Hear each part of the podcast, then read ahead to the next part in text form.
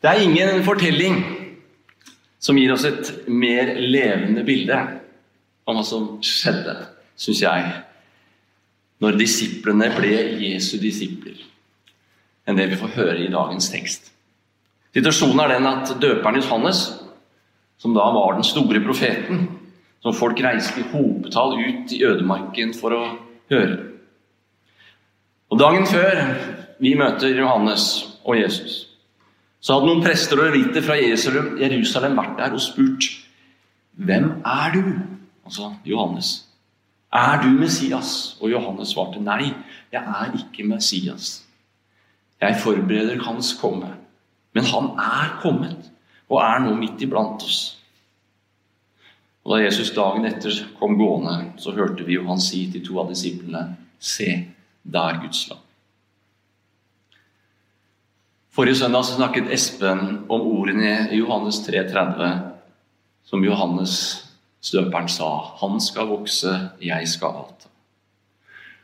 Og endringen for Johannes og disiplene, når alle gikk over til Jesus etter å ha fulgt dem, den var nok stor.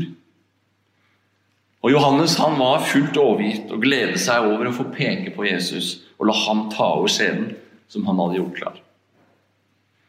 Og I dag ser vi at Johannes han var klar fra første stund til å selv avta og la Jesus vokse.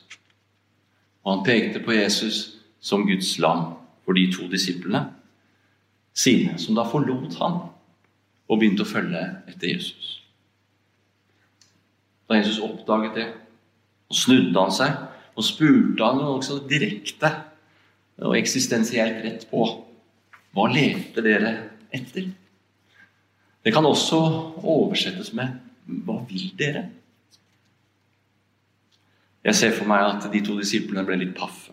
Tatt på senga og svarte kanskje litt sånn starstruck. Noe av det første de liksom kom på 'Rabbi, hvor bor du?' Kanskje en klassisk dårlig smalltalk-start. Eller kanskje ikke. For de fikk faktisk en hel dag sammen med Jesus og hva kunne blitt bedre enn det? For Jesus inviterte dem hjem der han bodde, og de ble hos ham der den dagen.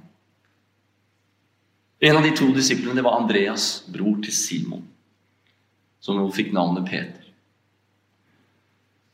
Og Etter dagen sammen med Jesus gikk Andreas til broren sin og fortalte om Jesus. Og så førte han Simon til Jesus. Og Det samme hørte vi at Philip gjorde med Nathaniel rett etterpå. Han fortalte han om Jesus og tok han med til Jesus.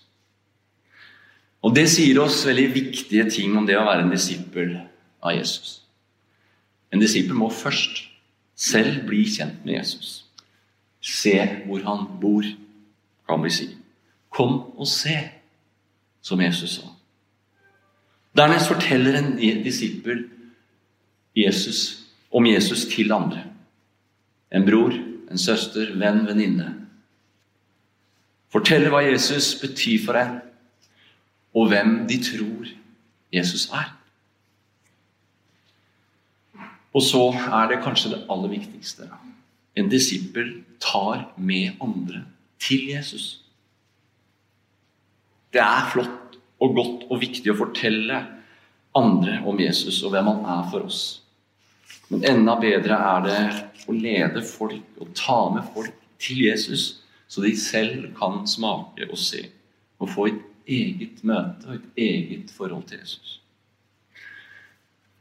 I en av podkastene som er lagt ut på Fjellhamar kirkepodd, så snakker Øystein Skarholm, ungdomsarbeideren vår, og Anette Nordby, en viktig ungdomsleder, med to ungdommer, Oskar og Wilhelmine, som er ferdig med videregående nå, om overgangen til studentfasen. Den overgangen er kritisk for troen. Fra å være trygt etablert, etablert i et ungdomsmiljø i hjemmekirka til å komme til et studiested eller militær eller noe annet hvor ingen kjenner de, hvor de selv må holde tak i det de vil, også troa, og selv finne og eventuelt oppsøke et kristen fellesskap, hva gjør man da? Hvis du da bare har blitt fortalt om Jesus i kirka, og ikke har blitt ledet til Jesus, så du selv har fått en nærkontakt og en relasjon til Gud, til Jesus, og selv har et liv. Med Gud som, som har et liv i seg, så er faren stor. Fra at man alene på et nytt sted med mange impulser ikke oppsøker fellesskapet, og troen kan slukne. Skal vi få en tro som varer og bærer når kirkene stenger under en pandemi, så trenger vi å hjelpe hverandre med å koble oss til rett på kilden. Vi må lede hverandre til Jesus. Hvordan folk møter Jesus selv, lese, be og bli kjent med ham på egen hånd, er jo litt risikabelt også. Når vi kan fortelle, så kan vi påvirke hva folk kan tenke og mene om Jesus. Når folk vil leve til Jesus og bli kjent med han på egen hånd, så mister vi jo litt kontroll. Hvilken Jesus oppdager og finner en ny troende? En ungdom som har begynt å tro. Kanskje noe litt annet enn meg. Men som disipler skal vi ikke trekke folk til oss. Vi skal lede dem til Jesus. Det er her Han ved Den hellige ånd, hans nærvær i dag, som skal ha kontroll, ikke vi. Det er Jesus som skal forme folk. Det er han vi skal bli disipler av. Vi er alle disipler som, skal lede folk til et møte med Jesus. Da kan troen leve, leve videre, også når vi flytter på oss. Fordi troen ikke var båret av ungdomslederen og ungdomsmiljøet eller presten og kirkemiljøet, men basert på en egen relasjon til Gud. Dette trenger vi jo selvfølgelig ikke å sette opp mot hverandre. Fellesskapet og kristne venner og forbilder er så sentralt for oss i å bevare troen og bli styrket i den. Jeg hadde ikke stått her i dag uten noen som fortalte meg og lærte meg om Jesus. Som veiledet meg, bar meg, korrigerte meg, gikk med meg. For tvilen den kan også ramme oss alle. Og da kan venners og fellesskapets tro få bære oss. En gudstjeneste kan få bære oss når vi strever med å bære det sjøl. Vi tror ikke bare alene, vi tror sammen også. Men jeg hadde heller ikke stått her i dag hvis ikke jeg selv hadde blitt ledet til Jesus og fått min egen relasjon til ham. Om disipler etterfølger Jesus så trenger vi hverandre noen å gå veien sammen med. Det har vi merka godt i koronatida. Men uten direkte kontakt med Jesus så blir vi sårbare når ting rundt oss endrer, oss, endrer seg. Når troa ved Den hellige ånd bor i meg, så kan jeg vende meg til Gud når jeg selv trenger det, og hvor jeg enn er. Når jeg selv har søkt Gud åpent, ærlig, med tvil og i tro og sorg og glede, så er det en relasjon til Gud som vokser gjennom det i meg. Vi hørte også lest at Jesus fant Philip og ba han følge ham. Og Sånn kan det jo også skje. Definitivt at mennesker finner Gud og får en Jesus-tro. At Gud viser seg for mennesker uten at noen på en måte direkte har fortalt eller noe, eller har tatt dem med til Jesus. Jeg har selv hørt og lest mange vitnesbyrd, ikke minst fra muslimer, som i drømmer har fått møte Jesus og den måten kommet til tro. Og det jeg har fått med meg, er kjendisprest Tor Håvik sin måte å komme til tro. Så ble han møtt av Gud alene på gutterommet. Men egentlig så gjelder det oss alle. For dypest sett så er det Gud som søker oss. Det er Gud som er på leting etter deg og meg. Det er hans farshjerte som lengter etter å få barna sine hjem til seg. Skal jeg si hva hele Bibelen handler om i en kort setning, så er det at Gud, vår far, lengter og leter etter å få barna sine hjem igjen. Derfor sendte han Jesus for å finne oss. Den ene sauen som var borte, ble den viktigste og leteaksjonen ble satt i gang. Så når vi blir ledet av andre til Jesus, eller selv leder andre til Jesus, så er det egentlig dypest sett båret og drevet av den Gud som søker oss fordi han elsker oss som en god far. En disippel han blir Jesu hender og føtter på jord. En disippel blir bærer av Guds fars hjerte, som søker oss alle.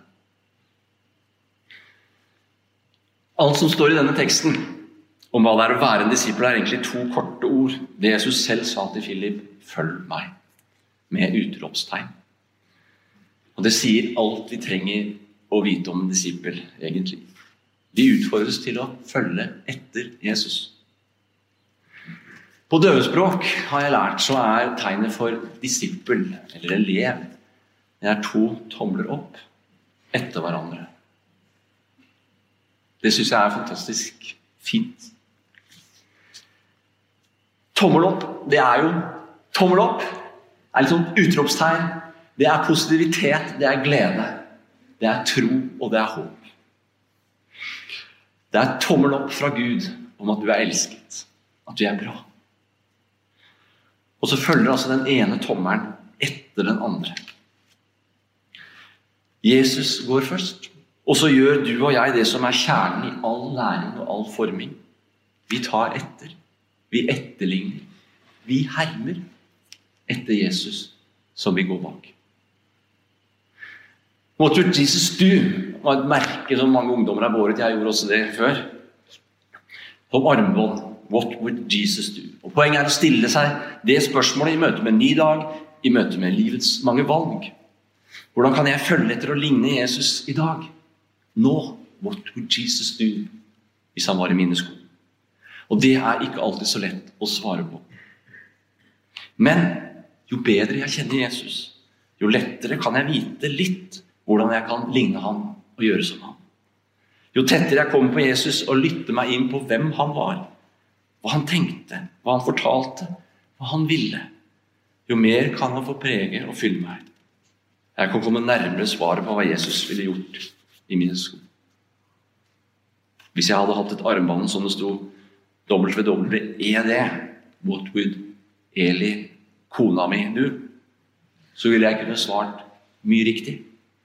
Fordi jeg kjenner Eli godt. Og vet da med hvordan hun tenker, hva hun liker, og hva hun syns er viktig.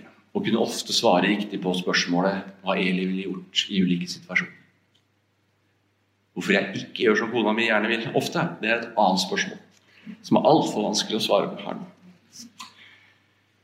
Å være en disippel er altså å følge etter Jesus.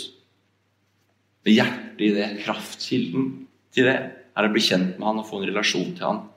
som kan prege og fylle meg. Hvordan gjør vi det i dag? Hvordan blir vi kjent med og får en relasjon til en vi ikke kan se, ta på, høre stemmen til? Jeg skal med en gang si at det fins enklere ting å prøve å forklare eller å finne ut av og erfare. Det mest håndfaste for meg det er å lese om Jesus i evangeliet. Å lese om Gud og hvem han var i Bibelen. For i den boka så banker Guds hjerte. Og der kan jeg litt etter litt ta til meg hvem Jesus var, og bli mer kjent med ham. Bibelen er ikke alltid lett å lese og forstå, og da kan det å lese sammen med noen andre være en veldig god hjelp. I en bibelgruppe, et husfellesskap, som vi har mange av i menigheten. Som du gjerne vil bli med hvis du ikke har de. For vi kan lære om Gud av hverandre. Vi har forskjellige bilder av Jesus som vi kan hjelpe hverandre med og gjøre oss rikere på det. Høre andre. Du kan lese i bøker, du kan høre radio, TV, podkaster. Og dermed lære mer av Jesus på den måten. Det kan også skje i å synge, i sangen, i tilbedelsen. Og Salmene vi synger i dag, er egentlig vakre og talende tekster om hvordan andre mennesker har erfart troen i livet, i møte med livet. Den minst håndfaste delen av det å kjenne Gud og Jesus er jo det innadvendte, det, det, bønnen, eller det utadvendte, kunne man så si. Meditasjonen, vårt indre åndelige liv. Den hellige ånd. Kall det gjerne å se med vårt indre øye, høre med vårt indre øre. Og åpne oss for Gud som ved Den hellige ånd på mystisk vis bor i oss. Og få våge å be til Gud vår Far, Jesus vår bror, den hellige ånd, vår livgiver og veileder, som han er her sammen med oss. Og i stillhet og tillit og søken med vårt indre øye og øre få en relasjon til en levende Gud. Og her kan vi også hjelpe hverandre. Dele våre erfaringer. Hjelpe hverandre i bønneliv og lytte til Gud og Hans ånd. Vår egen prest Elisabeth har jo mye erfaring i åndelig veiledning som jeg har hatt mye hjelp av, god hjelp av, å høre henne. Og som hun gjerne deler med oss. Det er ting å hente.